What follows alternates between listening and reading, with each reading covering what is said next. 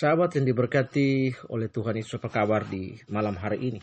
Saya percaya kasih karunia Allah yang jauh melampaui segala roh hikmat akal dan pikiran menolong kita sepanjang hari ini. Dari pagi, siang, bahkan sampai malam hari ini. Kita akan segera membaringkan diri ataupun mungkin Anda yang sudah tidur di malam hari ini. Nah sahabat, di malam hari ini Amsal 11 ayat 24 menjadi pembahasan kita di malam hari ini yang berkata ada yang menyebar harta tetapi bertambah kaya. Ada yang menghemat secara luar biasa namun selalu berkekurangan. Sahabat yang diberkati oleh Tuhan berdasarkan peribahasa hemat pangkal kaya, orang akan melakukan tindakan ekonomis dan penghematan yang luar biasa untuk menjadi kaya. Namun peribahasa ini tidak berlaku bagi penulis Amsal yang menegaskan bahwa kaya adalah pangkal murah hati, bukannya hemat ini bukan teori tetapi fakta yang terjadi dalam masyarakat. Sahabat yang diberkati oleh Tuhan, pertanyaannya mengapa bisa demikian? Apa pun yang dilakukan orang semasa hidupnya pasti mendapatkan balasannya.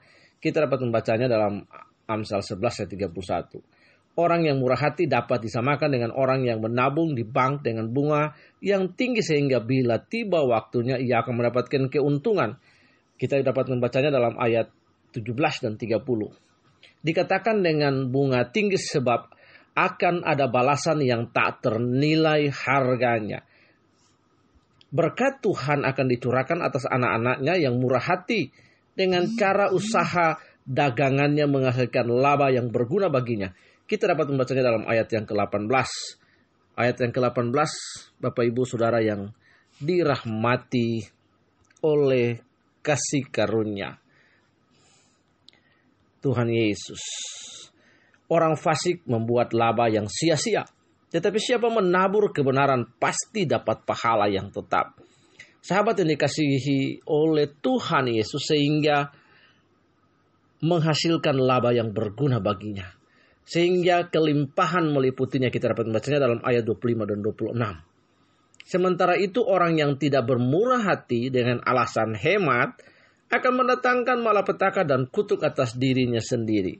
Kita membacanya dalam ayat 17 dan 26 dari Amsal pasal yang ke-11. Orang yang murah hati berbuat baik kepada diri sendiri. Tetapi orang yang kejam menyiksa badannya sendiri. Siapa menahan gandum, ia dikutuki orang. Tetapi berkat turun di atas kepala orang yang menjual gandum. Sahabat yang diberkati oleh Tuhan, Kristen yang akan melakukan tindakan murah hati harus memperhatikan dan menjalankan prinsip-prinsip utama berikut ini. Yang pertama, kekayaan bukanlah segala-galanya. Baginya sehingga hidupnya akan berantakan jika tidak mempunyai kekayaan. Sekali lagi, kekayaan bukanlah segala-galanya baginya sehingga hidupnya akan berantakan jika tidak mempunyai kekayaan. Kita dapat membacanya dalam ayat 28. Siapa yang mempercayakan diri kepada kekayaannya akan jatuh, tetapi orang benar akan tumbuh seperti daun muda.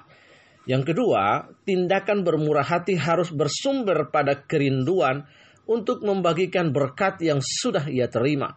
Kita dapat membacanya pada ayat yang ke-25. Siapa banyak memberi berkat diberi kelimpahan, siapa memberi minum, ia akan sendiri diberi minum. Yang ketiga, Bermurah hati harus didasari atas sikap kerinduan agar orang lain mengalami, mempunyai, dan merasakan apa yang ia sendiri sudah terima. Keempat, mengejar kebaikan merupakan motivasi yang mendorong orang bermurah hati. Tidak ada sama sekali motivasi memancing dalam bermurah hati secara Kristen. Jadi jika hidupnya diberkati dan makin melimpah, bukan karena umpannya tetapi karena Allah berkenan kepada hidupnya. Mari menjadi perenungan bagi kita di malam hari ini, saudaraku yang diberkati oleh Tuhan dan saudariku yang dirahmati oleh kasih karunia. Pikirkanlah untuk hari ini, malam hari ini, besok Anda dapat mempraktekannya. Satu bentuk bermurah hati berdasarkan empat prinsip di atas.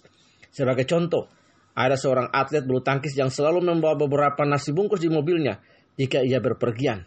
Tujuannya jika ada yang meminta-minta uang, ia akan memberinya nasi mungkinkah ini dapat kita mungkinkah ini dapat kita masyarakatkan sebagai wujud kemurahan hati? Mari kita lakukan sebisa semampu kita dengan apa yang kita miliki di mana saja kita berada. Mari kita berdoa. Tuhan Yesus kami bersyukur malam hari ini di mana pun kami berada. dengan kemampuan kami, keterbatasan kami, seberapa yang kami miliki, apa pun yang kami miliki Tuhan, tidak harus uang, tetapi Tuhan dengan skill, kemampuan, talenta, karena apa pun yang kami kerjakan seperti untuk Tuhan dan bukan untuk manusia. Tolong kami supaya kami dapat mengaplikasikan kemurahan hati ini bagi orang lain dengan apa yang kami miliki Tuhan.